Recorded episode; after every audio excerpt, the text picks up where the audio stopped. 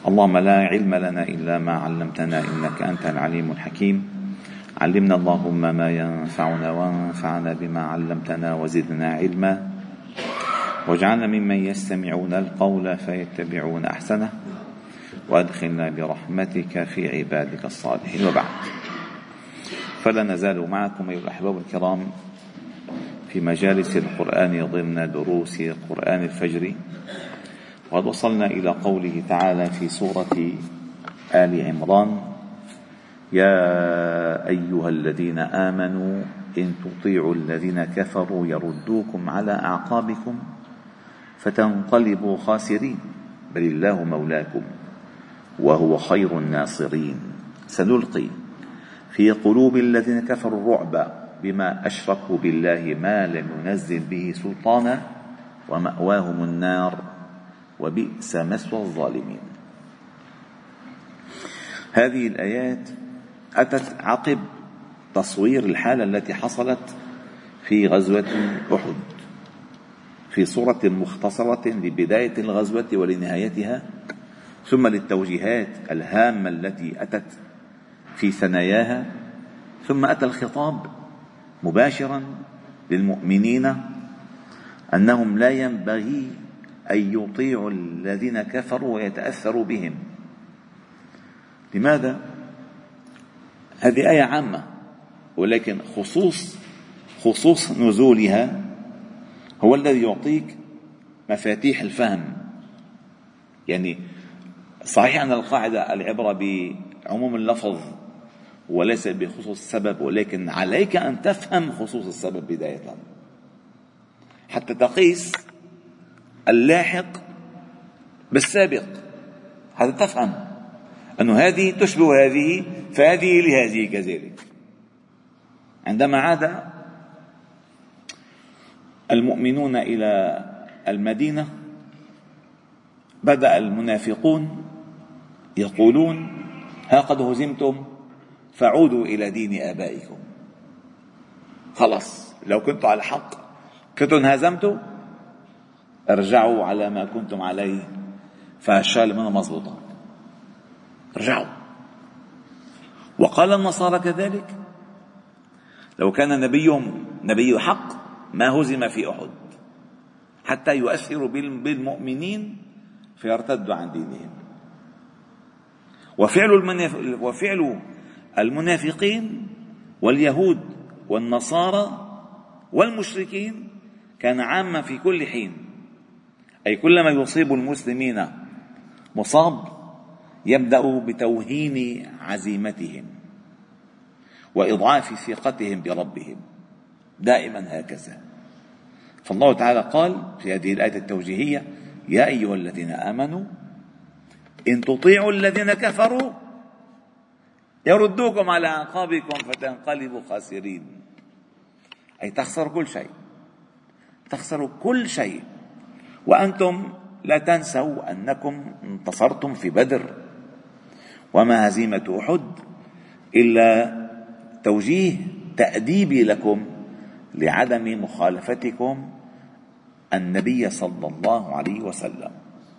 فلا يدفعنكم ما دفعتم ثمنه في مخالفتكم نبيكم صلى الله عليه وسلم أن تضيفوا إليه مخالفة ربكم بإطاعة الكافرين. يا أيها الذين آمنوا إن تطيعوا الذين كفروا يردوكم على أعقابكم.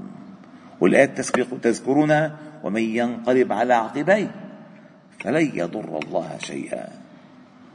قال فتنقلبوا خاسرين أي سيكون الخسران ملازمكم. وسيكون معكم أينما كنتم وحللتم لأنكم أصبحتم في عالم الردة. يعني معقولة يا أن بعدما تؤمنوا تكفروا؟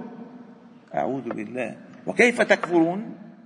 وأنتم تتلى عليكم آيات الله يخفيكم رسوله. قال بل الله مولاكم وهو خير الناصرين. وهذه الآية كذلك فيها بلاغة هائلة. أولا بل في اللغة أيها الأحباب الكرام تستخدم بمعنى الإضراب أي أضرب.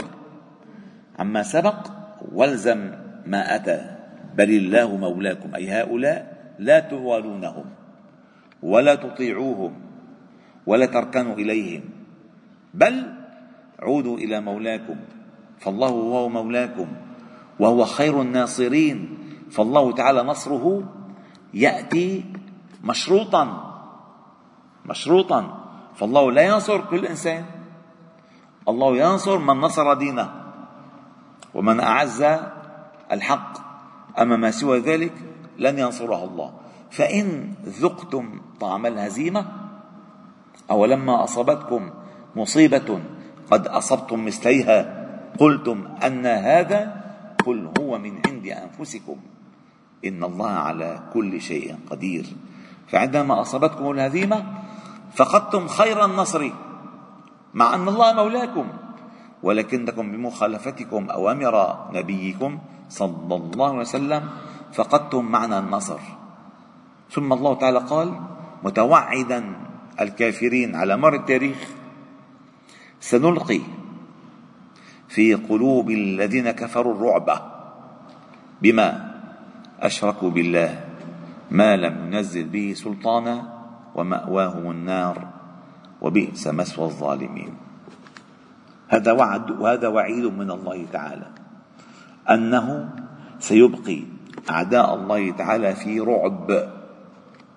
وخصوص نزول هذه الآية ثم بعد ذلك نعم. خصوص نزول هذه الآية أنهم عندما عاد المشركون من أحد منتصرين اوقفهم أبو سفيان في منتصف الطريق.